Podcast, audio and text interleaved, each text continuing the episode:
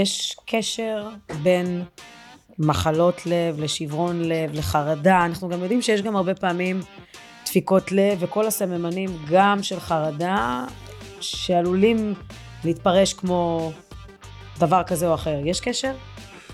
יש ועוד איך קשר.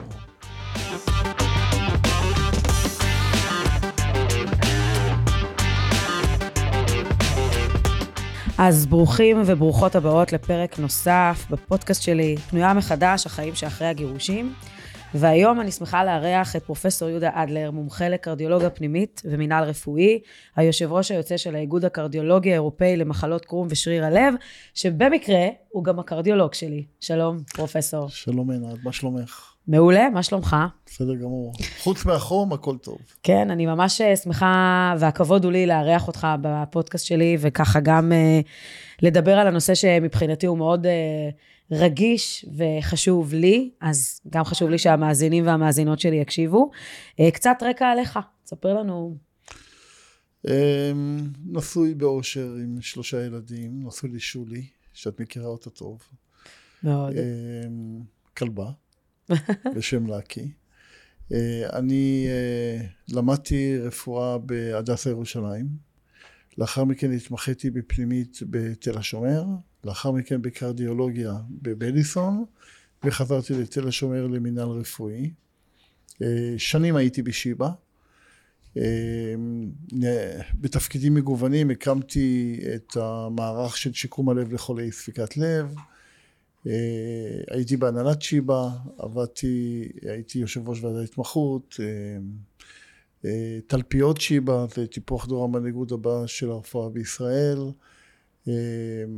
המשאב האנושי של שיבא, מקצועות הבריאות של שיבא, הייתי מנהל רפואי של משען, הייתי יושב ראש, כמו שאמרת, יושב ראש האיגוד הקרדיולוגי האירופאי למחלות קרום ושריר הלב, אה, הנושא של קרום ושריר הלב אני מוביל אותו כבר מעל ל-30 שנה, אה, הצ'רמן האירופאי וגם הגיידליינס, ההתוויות העולמיות הם תחת שמי, אה, יש לי כמעט 300 פרסומים בינלאומיים ברחבי העולם, היום אני שוקד על הספר הראשון מטעם האיגוד הקרדיולוגי האירופאי למחלות קרום הלב יש כל כך הרבה שניהלתי את בית החולים משגב לדח גם בירושלים ארבע שנים. כמה טייטלים, כן, וואו. כן, אז זהו, עשיתי, עשיתי באמת הרבה תפקידים. אגב, אני לא נשאר בתפקיד מעל ארבע שנים, אני לא מאמין בזה. גם אם אני מנהל בית חולים, וגם אם אני רופא מחוזי, וגם אם אני מנהל רפואי באיזשהו מערך. אה, וככה עשיתי הרבה תפקידים, ונהניתי מכל תפקיד. מדהים. יש ככה איזושהי קפיצה לאחרונה עם כל הנושא של אה, מחלות הלב, נכון? יש לי קפיצה תקשורתית מאוד מאוד גדולה. אמ, היום אני גם הפרשן הרפואי של ynet וגם אה, נמצא בקשת וגם ברשת וגם בערוצי התקשורת ויש לי גם תוכנית בריאות ברדיו תל אביב אה, כל יום רביעי בשמונה בערב. אה, הקורונה העלתה את המודעות של האוכלוסייה למחלות בכלל ולמחלות לב בפרט מאוד מאוד בשנתיים של הקורונה, עכשיו היא קצת חוזרת אגב. כי יש קשר, או שזה משהו שהוא כרגע לא... יש לא... קשר, בוודאי שיש קשר. הקורונה גורמת לפגיעה בלב ובכלי הדם, וגם החיסונים אגב גורמים. אני הראשון בתקשורת שאמר את זה, ותקפו אותי, אבל צדקתי. היא יכולה לגרום גם להתקפי לב, גם לדלקת קרום הלב, גם לדלקת שריר הלב, גם להפרעות קצב, גם ללונג קורונה, לפו, מה שנקרא פוסט קורונה. לונג קוביד אה, של אה, דפיקות לב וחולשה ודברים כגון אלה. אבל זה משהו אה, שבא כאילו תוך כדי החיסון, גם אם עברו נגיד שנתיים מהחיסון האחרון או שלוש, או שזה משהו שהיה אמור לקרות כאילו במיידית? בדרך כלל זה במיידית. אנחנו עוד לא יודעים על הלונג של החיסון. אבל יש תופעות לוואי, אין, אין תרופה בלי תופעות לוואי, רואים לזה השפעות לוואי. אין תרופה בלי השפעות לוואי, וגם החיסונים יש להם השפעות לוואי, בוודאי, אבל בכל זאת, אני יודע שמתנגדי החיסונים מאוד אוהבים אותי שאמרתי את האמת, אבל עדיין החיסונים עדיפים מאשר לא להתחסן כשאנחנו מסתכלים לעבר. כן. גם אני, אני בעצמי הגעתי אליך בעקבות החיסון, אה, נכון. שמיד כבר הרגשתי שמשהו לא תקין, ובעצם יש לנו רומן רפואי בנושא הזה, בכל מה שקשור באמת אה, גם לבדיקה, כי אני כן הרגשתי שזה השפיע עליי בצורה כזו או אחרת. אבל אני רגע חוזרת אחורה, אמרת נשוי באושר, לשולי המהממת, ואני רוצה ככה, בגלל שזה באמת פודקאסט של גרושים, והמון מקשיבים פה, גם כאלה שהתגרשו וכאלה שהם באמת נמצאים בתהליך, או כאלה שחושבים להתגרש, מה מבחינתך הוא טיפ לזוגיות אה, טובה? אז בואו נתחיל מהגרושים והגרושות. אה, אנחנו מוקפים בהם, גם את. ואני חייב להגיד לך משהו, אני לא ראיתי באמת שום גרוש ושום גרושה מאושרים. אה, וזה מביא אותי אה, למסקנה, ועוד פעם, קל לדבר, את יודעת, אני לא יכול להחליף אף אחד, ואתה לא יכול להיכנס ביחסים אישיים בין, אה, אצל אף זוג, ואתה גם לא יודע מה קורה באמת. אבל זה מביא אותי למסקנה שיש סבירות מאוד גבוהה שחלק לא מבוטל מהגירושים מיותרים. מטבע הדברים במערכות יחסים יש עליות וירידות, אין מה לעשות, זה חלק מהחיים. אה, וצריך לדעת איך, אה, איך לשמר אותם. ולשמר אותם זה כולל אה, כמה מרכיבים שלדעתי הם מאוד מאוד חשובים. אחד, להיות חבר, חברות. הרי ברור שהמשיכה המינית ודברים ככל אלה הם חולפים עם הגיל ועם, ועם הזמן. אבל uh, אני חייב להגיד שאשתי היום יותר יפה ממה שהייתה לפני 30 שנה שהתחתנו. מהממת. אבל אני מדבר באופן כללי, זה ברור, זה, יש את השחיקה הרגילה, אבל קודם כל להיות חבר. שתיים, זה מה שנקרא ויתור, לדעת לוותר. בנישואים חייבים לדעת לוותר, אין מה לעשות. ודבר שלישי, לתת כבוד ולהיות רגיש. אם אתה שומר על השלושה כללים האלה, אה, ואתה לפעמים גם חורק שיניים, אין מה לעשות. אז אני חושב, אם נעשה את זה, יהיו פחות גירושים. יש המון גירושים, זה נורא נורא מדאיג, וזה גם עצוב. יש כאן ילדים, יש כאן משפחות. אמ, אני באמת חושב, יכול להיות שחלק גדול מאלה שמאזינים לא יסכימו איתי, אבל אני באמת חושב שחלק גדול מהגירושים מיותר. יכולו לוותר על זה. אגב, אני מדבר עם uh, נשים גרושות וגברים גרושים, חלק גדול מהם אומרים, חבל, חבל שהתגרשנו. וחבל, חבל. נכון, לפעמים כדאי כאילו כן לנסות uh, לתקן או לנסות להבין מה בעצם הסיבה שרוצים לפרק, ואם זה באמת משהו שאי אפשר uh, לגשר או להבליג עליו, אז, אז כן עושים איזשהו מהלך, ובאמת זה המטרה של הפודקאסט, גם למנוע את הגירושים וגם בעצם uh, uh, לתת לאנשים את הכלים לפעול רגע בצורה שהיא נכונה וחכמה ולא באימפולסיביות. אז למשל, אז למשל, אתה כועס עליה, היא כועסת עליך, תספרו את עשר. לא, לא להתפרץ. לא, לא להתפרץ, וגם uh, לקחת דברים בפרופורציה, ולגברים אני חייב להגיד משהו, אין מה לעשות, הן תמיד צודקות אנשים. יש, יש מצב שעכשיו כל הגברים יפסיקו להאזין לי, אבל אני לגמרי מסכימה איתך. לא, זה פשוט עובדה. אני לגמרי כן? מסכימה, זה לגמרי עובדה. אנחנו בדרך כלל... כמעט תמיד צודקות. תקשיבי, אני הגעתי למה שהגעתי בזכות אימא שלי עליה שלום, ואשתי תיבדל לחיים ארוכים. נקודה. מהמם. כן. מהמם. אין ספק ששולי היא באמת אה, מודל גם לזוגיות וגם לתמיכה ולפרגון, זה ראוי ל... ואת יודעת, מטבע הדברים בחיים אתה עובר עליות וירידות. גם אני עברתי עליות וירידות. את עברת, כולם עוברים. כולנו. מתי אתה רואה את הבן זוג שלך או את הבת זוג שלך? בירידות. וכשאתה רואה אישה או שאתה, שהיא רואה גבר שעומד מאחוריה כמו צוק איתן ותומך בה, למרות שאחרים מפקפקים בו או בה, זה אומר דרשני. ונשים אמיתיות אה, הם כאלה. בדיוק, גם אה, אני בתור, אה, לא הייתי ילדה, אבל הייתי צעירה, אני זוכרת שאבא שלי באמת פשט רגל, והוא לא עבד שנתיים, אז אימא שלי עמדה שם ופשוט תמכה בו, ולא חיפשה לברוח או להעיף הצידה, כי המצב שלו הוא לא מה שהיה קודם, וזה באמת משהו שהוא אה, ראוי להערצה.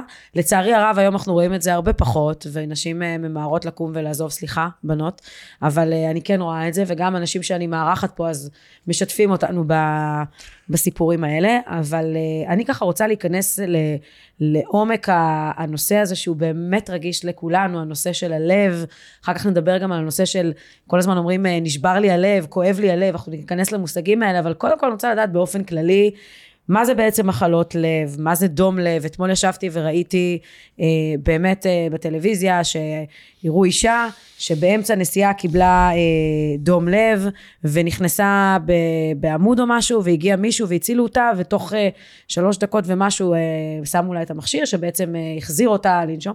אז אני שומעת את הדברים האלה ובתור מישהי שבאמת עברה את גיל 40 ועברה דבר או שניים ועם החיסון ועם הכל, בוא נדבר טיפה על הדבר הזה, על דום לב ומחלות לב. אז קודם כל עינת, את לא מועמדת לדום לב, מכיוון שאני הקרדיולוג שלך, בסדר גמור.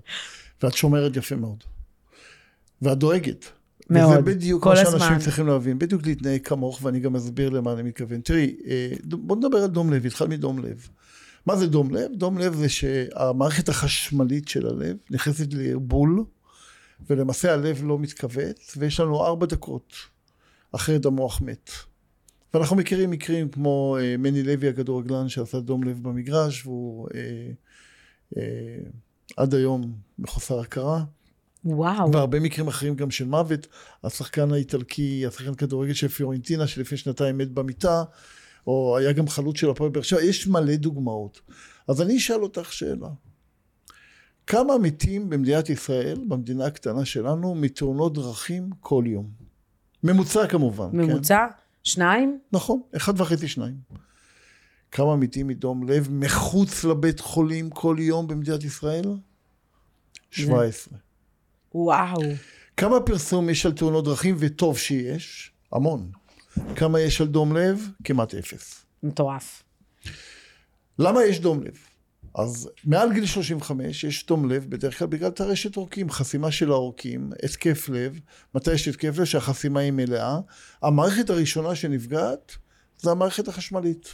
ואני רוצה רגע לשאול, בגלל שאמרת אה, של אה, טרשת, אה, באמת בתור מישהי שעשתה כמעט כל בדיקה אפשרית, כולל צנתור וירטואלי, שגם היה לנו שיח על זה.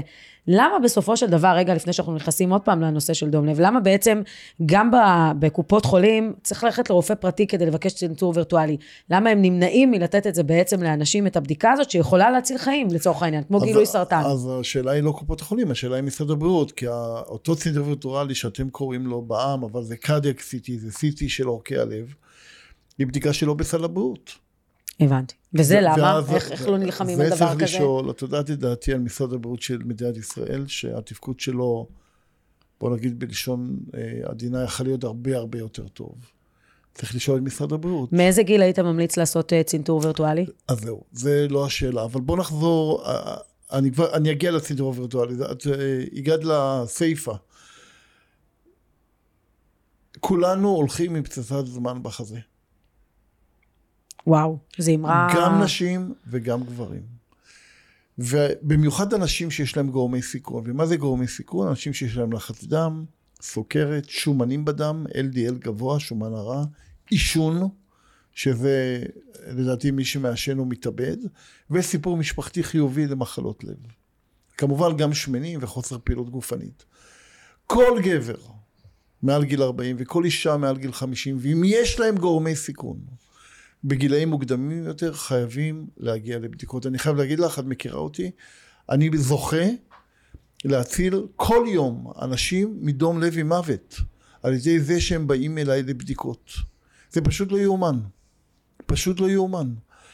ופשוט צריך להיות עם מודעות לזה. עכשיו, את יודעת, זה מצחיק. הם אומרים, אה, לבוא לפרופסור אדלר עולה הרבה כסף, וזה, ופה ושם. מכבי, 200 שקל. כללית 150 שקל, מאוחדת 300 שקל. זה הרבה כסף? לחיים ומוות? לא. לגמרי לא. ולכן אני, אני מדבר כמובן על הביטוח המושלם, ומי שיש לו ביטוח פרטי בכלל אה, מכוסה לחלוטין, ו-40% מהמדינה יש להם ביטוח פרטי, 80% יש להם ביטוח מושלם. עוד פעם אני אומר, חייבים לבוא לבדיקות. עכשיו, הרבה אנשים באים ואומרים לי, עינת, תשמעו, אני עשיתי את הסקר. סקר זה מצוין, אבל זה סקר. זה לא בדיקות עומק. מה זה אומר בדיקות סקר? בדיקות סקר זה בדיקות שעושים בבית חולים, בבתי חולים בעיקר, לא רק, שבו אתה עושה מבחן מאמץ, ואתה עושה בדיקות דם, ובדיקות ראייה, ו- ודברים כאלה, מאוד חשוב, אבל זה לא נכנס לעומקם של דברים. אז יודעת, למשל בדיקת מאמץ רגילה, באישה, בנשים, ב-50% מהמקרים הן לא תקינות, אבל האישה תקינה. תראי כמה זה לא רגיש. מה זה אומר? זה אומר שאני רואה כאילו היא חולת לב, אבל היא לא חולת לב. 25% מהגברים גם כן, ולכן זה בדיקות שהן שטחיות.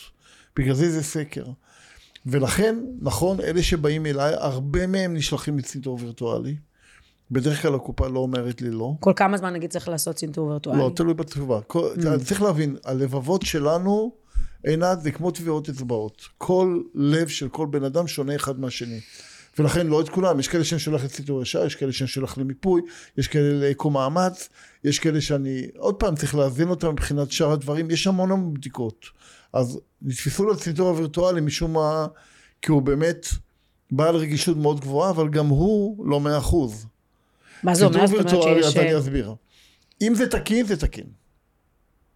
זאת אומרת, אין טרשת עורקים, זה מאה אחוז אין טרשת אבל עורקים. אם נגיד יוצא בין 1 ל-20, או נתונים קטנים, אז יש. סלידה? אז יש זליגה, וראיתי הרבה מקרים של 30 אחוז שהיו 90 אחוז, ו-90 אחוז שהיו 40 אחוז, ולכן צריך מאוד להיזהר כאן, ולבוא לקרדיולוג מומחה, כדי שידע איך הוא, איך הוא ממשיך בנושא הזה. עכשיו הכנסת אותי עוד שוב לחרדה. לא, את אל תהיי בחרדה, את בסדר, כי אני מכיר את הבדיקות שלך, את תהיי רגועה.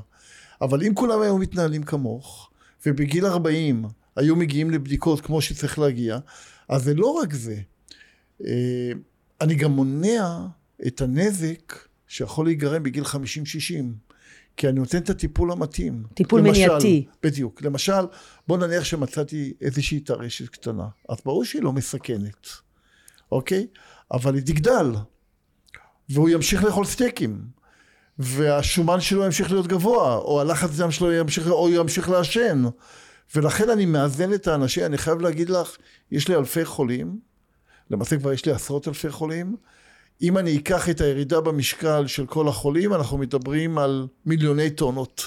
שבעצם אתה נותן בתוכנית המניעתית גם כלים שיעזרו להם להימנע מלהגיע למצב, נגיד לצורך העניין שאנחנו לא יודעים מה הרקע הבריאותי של אותה אישה שחוותה את מה שחוותה, אבל כאילו אתה מונע מהם להגיע למצב שהם יגיעו לנקודה שהיא על חזור. אותה אישה אתמול שתיארת, שלקתה בדום לב, אני שמח מאוד שהיא, אה, עוד מעט נדבר על הדפיברילטורים, שהיא במצב טוב. אה, אותה אישה, אם היא הייתה באה אליי לפני, או, או הייתה הולכת לכל קרדיולוג אחר לפני, שהוא מומחה, יש סבירות מאוד גבוהה שהיא לא הייתה לוקה בדום לב. אם היא הייתה עושה משהו מניעתי או הולכת לבדיקות. היינו מבחינים, הייתי מאבחן אותה, בוודאי, היא הייתה לה חסימה כנראה מתקדמת. עכשיו, מתחת לגיל 35, בדרך כלל זה מחלות של שריר הלב, כמו קרדיומיופתיות, שיש הרבה סוגים, או כמו אה, בעיות של הפרעות קצב מולדות או נרכשות, ולכן כאן הגישה היא אחרת לגמרי, אבל גם צריך להיבדק. גם צריך להיבדק. בכלל, אני גם נמצא ב... אני חבר בוועדת הרפואה של ההתאחדות לכדורגל, ואני הולך להילחם קשה מאוד על זה שכל כדורגלן מקצועני יעשה גם אקו. אקו לב, אולטרסנט של הלב, לראות האם יש לו עיבוי של הלב, האם אין לו עיבוי. אני אספר לך סיפור. פעילות גופנית. בריא? בריא. בריא, כן, אבל ברור. לפעמים אם זה... נכון מאוד, אם זה מוגזם. אז uh, יש לנו שכן ברעננה, לשנינו, קוראים לו משה, ויום אחד, אני הייתי uh, בקאנטרי עם שולי לפני הרבה שנים, והייתי מסתכל עליו, הוא היה קורע את עצמו על המכשירים, אני הייתי מקנא בו, הייתי אומר לשולי, תקשיבי, אני, גם בחלומות אני לא יכול, אני לא חושב שרונלדו היה עושה את זה. ואז הוא פוגש אותי ברחוב ואומר לי, פרופסור אדלר, עשו לי אקו, הוא נראה לא טוב. אמרתי לו, תראה לי את האקו. אני מסתכל על האקו, חשכו עיניי. הלב שלו התעבה לממדים מפלצתיים, השיר של הלב. זאת אומרת, הוא מועמד לדום לב. אוי ואבוי. עכשיו, למה זה קרה לו? כי אני שהרצתי אותו, לא האמנתי שהוא לא עושה איזה אימת דופק. וברגע שיש לך דפקים מהיר, גבוהים מדי לאורך זמן, זה פוגע בשיר הלב. ותראי כמה חשוב לעשות את הדברים האלה בצורה מאוזנת ונכונה. אותם, רוב הכדורגלנים שאנחנו שומעים עליהם, או הכדורסלנים, או אנשי ספורט בכלל, שאתה שומע, אה, הוא עשה דום לב, זה לא בגלל טרשת עורקים, כי הם צעירים, זה בגלל פגיעה בשריר הלב, כי הם עשו איזה, בתפ... הם עשו פעילות לאורך שנים. מאומצת לאורך שנים. לא, הבעיה היא לא מאומצת, הבעיה זה הדופק. יש דופק מטרה לכל בן אדם. אתה לא יכול להיות עם דופק מטרה של 150 ולהיות על 200 כל הזמן. זאת אומרת 220 פחות הגיל. לא, 220 אה, פחות הגיל, ומזה את לוקחת 80 אחוז, למשל מישהו בן 70. אז 220 פחות 70 זה 150, 80 אחוז זה בערך יוצא 120, 125, זה דופק המטרה שלו. אז מה נגיד שלי? 220 פחות 43? נניח 40 זה 180, אז שלך 150, 155. אסור לי לעבור 155. מותר לך, אבל לא לאורך זמן.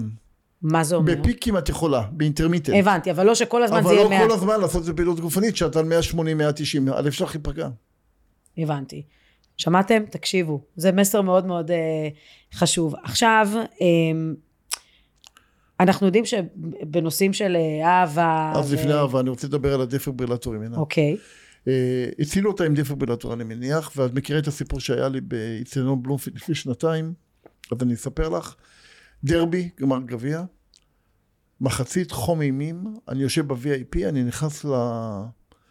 לשתות משהו, ומישהו אומר לי, תשמע, יש כאן מישהו עם כאבים בחזה. עכשיו, אנחנו אוהדי הפועל תל אביב, רגילים לכאבים בחזה. זה הפועל תל אביב, כדורגל. ואני לא התייחסתי. הוא אומר לי, תסתכל, אני מסתובב, אני רואה אדם עם תמונה, נראה כבן חמישים, תמונה של דום לב. תקשיבי לסיפור. אה, תמונה של התקף לב. והיה לי חוש שהוא הולך לעשות דום לב. אגב, לא כל התקף לב זה דום לב. זה עניין של מזל. השקפתי אותו וצעקתי, תביאו לי אספירין, היה בדיוק הפרמדיק של הנשיא, ריבלין בשעתו, שהיה ביציע לידי, הביא לי אספירין בלעיסה, ואני צועק, תביאו לי דפיברילטור, ותקראו לשחל. היה שם בחור מאוד מאוד נועז, בשם לירן יגודה, אני לא יודע אם אני מכירה אותו. לירן רץ, בדיעבד אני יודע, רץ למטה, עכשיו הדפיברילטור, הרי אף אחד לא ידע איפה הוא, היה מונח מאחורי זכוכית, שבר את הזכוכית, נחתך בידו, כולו היה דם, הביא לי את הדפיברילטור, אותו בחור, גיא ירמק, היום כולם מכירים אותו, חמש שניות אחרי שהוא הביא לי את הדפיברילטור, עשה דום לב, כלומר יש לי ארבע דקות להחזיר לו חיים. את המוח שלו מת. קיבל ארבע מכות, היום הוא בריא עם הילדים שלו. וואו. עברתי טראומה גם עם הילדים, כי הילדים היו בשער אחר, והם הגיעו לשער שלנו, וראו את אבא שלהם בהחייאה, אבל הוא בחיים. הדפיברילטורים הם מצילי חיים. חיים. ואני חושב שבכל בית צריך להיות דפיברילטור. אבל בכל מקרה, אני חבר בעמותה, שכן מציל חיים. אני עושה את זה בהתנדבות כמובן, שיהיה דפיברילטור בכל שכונה. ויש שלט על הבית, שכן מציל חיים, ואז אם קורה משהו, יודעים לאן ללכת, ואגב, זה הציל כבר כמה חיים. וכמובן, אני מייעץ לעיריות, כמו שאני מייעץ בקורונה, אני מייעץ בדפיברילטורים, והיום דפיברילטורים מוכנסים לכל כמה ה... כמה עולה מכשיר כזה? תלוי איפה אתה קונה אותו, בין 2,500 ל-5,000 שקל, לא בשמיים. בין 5,000? בין 2,500 ל-5,000, לא בשמיים, ומשחקים אותו. מטורף. מצילים חיים. מטורף. כן. אז... לי יש בקליניקה דפיברילטור בבית כל הזמן. יש קשר בין מחלות לב לשברון לב, לחרדה. אנחנו גם יודעים שיש גם הרבה פעמים דפיקות לב וכל הסממנים גם של חרדה, שעלולים להתפרש כמו דבר כזה או אחר. יש קשר? יש ועוד איך קשר. אבל כאן אני הכנתי כתוב. בסדר? תשתף אותנו, נראה כן, לי שזה מידע חשוב. אה, יש מחקרים שמוכיחים את הקשר המיתולוגי שבין לב בריא לבין אהבה וקשרים חברתיים. הלב הוא איזה איבר שמקושר עם אהבה מאות שנים. ועד היום היו כמה הסברים לקשר שבין הלב לבין אהבה. על, על פי הבולט שלהם, הלב הוא האיבר ההכרחי ביותר בגוף, וכפי שאהבה הכרחית ונחוצה בחיי הבן אדם, אה, יש לנו מחקרים בנושא הזה. מחקר מאוניברסיטת הרווארד, שפורסם, עקב אחרי 28 אלף גבר, גברים מגיל 40 עד 77 במשך עשר שנים, ומצא ש-1,365 מהגברים מתו ממחלות לב, שסיווגו על פי מידת קשריהם המשפחתיים חברתיים נמצא שלגברים הבודדים הבודדים הלא חברתיים היה סיכוי גבוה ב-53 אחוז למות ממחלות לב בהשוואה לגברים בעלי הקשרים החברתיים. ב-53 אחוז. מטורף. ומטורף. אני אומר לספר לך על עוד מחקר שנעשה בסרטן שד שתביני עד כמה הממד הפסיכולוגי חשוב, חשוב. למחלות שלנו עוד מחקר אני אתן לך. 583 גברים ונשים בסביבות גיל 60 שאושפזו בבית החולים עקב התקף לב לאחר שנבדקה ההיסטוריה הרפואית והפסיכולוגית שלהם חזרו לבדוק את אותם אנשים שנה לאחר הבדיקה הראשונה ותוצאות המחקר הראו שלאלה שדיווחו שהם נהנים מקשר חברתי קרוב היה סיכון נמוך בחמישים אחוז למות ממחלת לב בחמישים אחוז זה פשוט לא יאומן זה יותר מתרופות זה אפילו יותר מתרופות החוקרים האלה הדגישו שהם מצאו שלעומק הקשר הרגשי משמעות רבה יותר מאשר לכמות מערכות היחסים של האדם במניעת מחלת לב. כלומר, לרוץ מבן זוג לבן זוג ומה שנקרא להתהולל ולהתפרפר זה לא הפתרון. הקשר הרגשי, העמוק, הממושך לכל הגרושים והגרושות, או לכל אלה שעוד אה, חושבים לעשות את זה חס וחלילה, הקשר הרגשי הממושך הוא בעל המשמעות הגדולה ביותר. מחקרים נוספים היום גורסים כעוינות, כעס, מתח, שאנחנו יודעים שזה מלווה אותנו ברוב מקרי הגירושים. דיכאון ובידוד חברתי תורמים למחלות לב. ההסבר לקשר בין החסך בקשרים חברתיים ובדידות למחלות לב נטוע בלחץ העצום הקיים אצל אדם שמבלה את רוב זמנו ללא קרבה, ללא קשר פיזי עם אנשים אחרים. המחקרים האלה בעצם מאוששים את הקשר שהיה תמיד קיים בין הלב לבין אהבה וקשר חברתי, שעד היום נחשבו כמעוררי תחושת ביטחון, מעניקי חום ותחושת אחריות, וקובע שהם יכולים גם למנוע בעיות בריאותיות בדגש על מחלות לב. בדגש על מחלות לב. החסך בקשרים אישיים קרובים מוביל אותנו בעל כורחנו ליצירה של חסכים רגשיים עמוקים המאופיינים בהתחלה בתחושות של בדידות, כאב, סוגים מסוימים של דיכאון, עד להחמרה עמוקה ביותר של סימפטומים וקרימת אה, נזקים משמעותיים כמו הסיכון הרב ללקות במחלות לב. צריך לזכור את זה, ולכן לא טוב להיות האדם לבדו. אגב, זה משפט שהוא כל כך נכון. כל כך נכון. ואני אספר לך משהו שלא קשור דווקא לאהבה, לאופטימיות. הרי אנשים שנשואים וכולי, אין מה לעשות. את יודעת, שאתה רב עם אשתך, או שאשתך רבה איתך, אין, אין מצב רוח באותו יום, נכון? נכון. שאוהבים. זה גם מאוד רוח. מורגש, כי בסופו של דבר מורגש. אתה חצי יום הולך הפוך. נשים חולות שד. חילקו לשתי קבוצות. קודם כל, שתי הקבוצות היו באותו אה, רמה של סרטן שד. אלה האופטימיות, עם חיי אהבה, עם כל מה שיש בחיי נישואים וכולי, ואלה שהן פסימיות, חלקם הגדול גרושות וכולי. 30 אחוז יותר באופטימיות של חיים, לא של מוות, של חיים. שהם גם החלימו מן הסתם. שהם החלימו מן הסתם. זה מדהים. עד כמה ההיבט הפסיכולוגי, הנפשי, משפיע על ההיבט הבריאותי שלנו. ו... אין מה לעשות, נישואי אה, גירושים זה מלווה בכעס, בבדידות, בדיכאון, בתהליכים שהם לא נעימים והם פוגעים לנו בבריאות וגורמים בחמישים אחוז יותר למחלות לב וכלי דם. זה מדהים. אבל אמ, אם נגיד אני מסתכלת, אתה יודע, ואני גם קוראת המון כי אני כזאת, יש דברים אה, אה, טיפוליים שבן אדם יכול גם לעשות לבד, לדוגמה, כמו נגיד אם הוא מעשן אז להפסיק לעשן, לקחת כדורים, ויטמינים, משהו שאני יודעת, אמרו לי ספורטאים, לקחת אה, Q10. אני לא זה, אבל אני שותה את הכדורים שנתת לי. אה, אז זה בדיוק, אז אה, אנחנו חוזרים לתחילת שיחתנו המרתקת. אה, כל אדם, כל גבר מעל גיל 40, כל אישה מעל גיל 50, אגב, יש איזו סברה שנשים יש להן פחות מחלות לב. והיא נכונה בגיל הפוריות, כי המחזור מגן עליכם. בגלל זה אתה אומר בגיל 50 רק להתחיל... אה, נכון, אבל ראית בחורה מאתמול בת כמה? 53 היא הייתה או 4. ויש לנו בחורות צעירות גם. אוקיי, יש את הבחורה שהייתה, בעד, שעכשיו אושפזה בהיריון עם דום לב ועם שתי עוברים. וואו. יש מקרים כל הזמן, מקרים נוראים. ולכן אם יש גורמי סיכון, לחץ דם, סוכרת, שומנים בדם, עישון חס וחלילה, מחלות לב במשפחה, עודף משקל, חוסר פעילות גופנית, להיבדק לפני. יש סימנים מחשידים? לפני.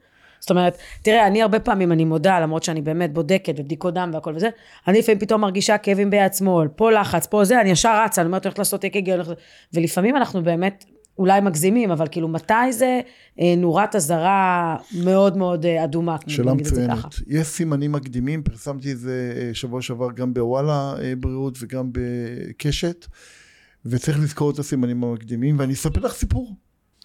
אני סטודנט בירושלים, מגיע בחור למיון, לא אשכח את הסיפור הזה. כאבים בלסת תחתונה. שלחו אותו לרופא שיניים, בדיקות וכולי, לא מצאו. מגיע עוד פעם, אחרי יומיים. במקרה הייתי שם עוד פעם במיון. גם כואב לי השיניים, התחתונות, לא מוצאים כלום. וואו. בפעם השלישית הוא כבר לא הגיע. הוא עשה דום לב בבית. סימנים מקדימים וואו. יכולים להיות לחץ בחזה, כאבים בחזה, מועקה בחזה, מקרין יד ימין, יד שמאל, לגב, בעורם הבטן, לסת תחתונה.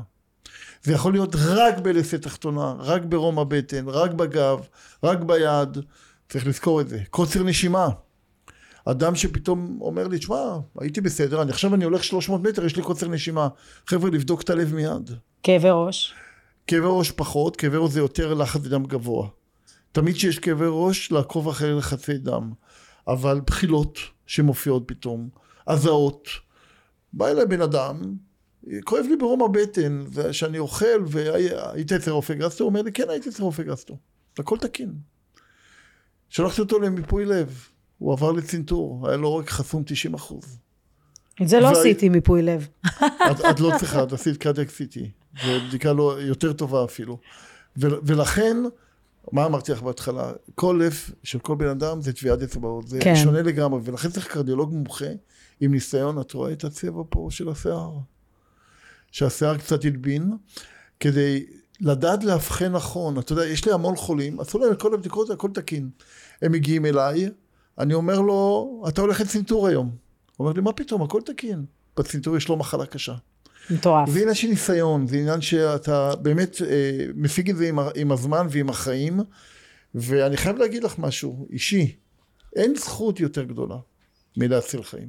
טיפ ומסר למאזינים שלנו לקראת סיום. לשמור על הבריאות, לשמור על חיי הנישואים.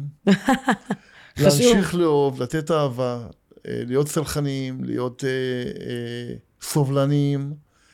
אה, זה נכון, זה לא קל לגו, לחיות עם אותה בת זוג או אותו בן זוג הרבה שנים, אבל זה שווה הכל. זה באמת, זה שווה הכל. ולשמור על משקל, לא לעשן, לעקוב אחרי השומנים, לאזן לחץ דם, לאזן סוכר, ולבוא לבדיקות, שצריך לבוא לבדיקות, וגם שלא צריך לבוא לבדיקות, כי חשוב להיבדק. אנחנו מונעים, חבר'ה, 17 מקרים של דום לב מחוץ לבית חולים כל יום. מטורף. זה, זה מספרים שאתה לא מעלה על הדעת. והבדיקות האלה, אנשים שמגיעים אליי, הם פשוט לא עוברים דום לב. הם פשוט לא עוברים דום לב, כי הם חיים, חיים ארוכים. ויש לי חולים, אני חייב להגיד לך, עינת, את מכירה אותי, שאני מטפל בהם כבר 40 שנה, למרות שאני לא מאוד זקן, אבל אני מטפל בהם המון שנים. הם בני 110, ברוך השם. הם צלולים יותר ממני, לא יודע ממך, אבל ממני. את יודעת, אני אספר לך סיפור. לפני חודש בא אליי בן אדם בן 105.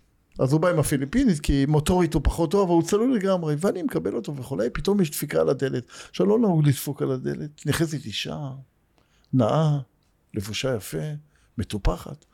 אני אומר לה, כן גברת, היא אומרת, שלום פרופסור, אדלר, אני אשתו, ואני גם הנהגת שלו, ואני חייבת להגיע לפגישה, אם תוכל לסיים יותר מוקדם, כי אני מאוד ממהרת. אז אני, את יודעת, בתמימותי, שאלתי אותה, גברת, בת כמה את?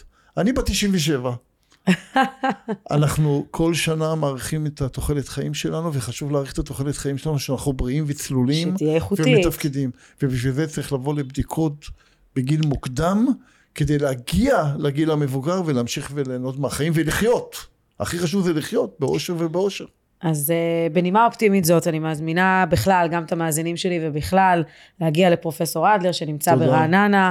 מניסיון אני אומרת לכם, הוא גם יודע לתת את הטיפ הנכון במקום הנכון, וחד משמעית אני מרגישה שהוא מציל, ובעצם uh, גם נתן לי את הטיפים הנכונים ואת הליווי הנכון. אז uh, תודה רבה, פרופסור. לתת את הטלפון של שולי? גם את הטלפון של שולי, למי שמתלבט, עם, אוקיי. או איך להתנהג, או איך לגרום לבת. הכל דרך שולי, ו-0544-716658, ניתן להתקשר. ואם לא עונה, כי גם יש לה, אתה יודע... לטפל עובר, בבעל ולהכין אוכל בבעל וכאלה. ולהכין אוכל, אז לשלוח וואטסאפ, היא תמיד תחזור אליכם.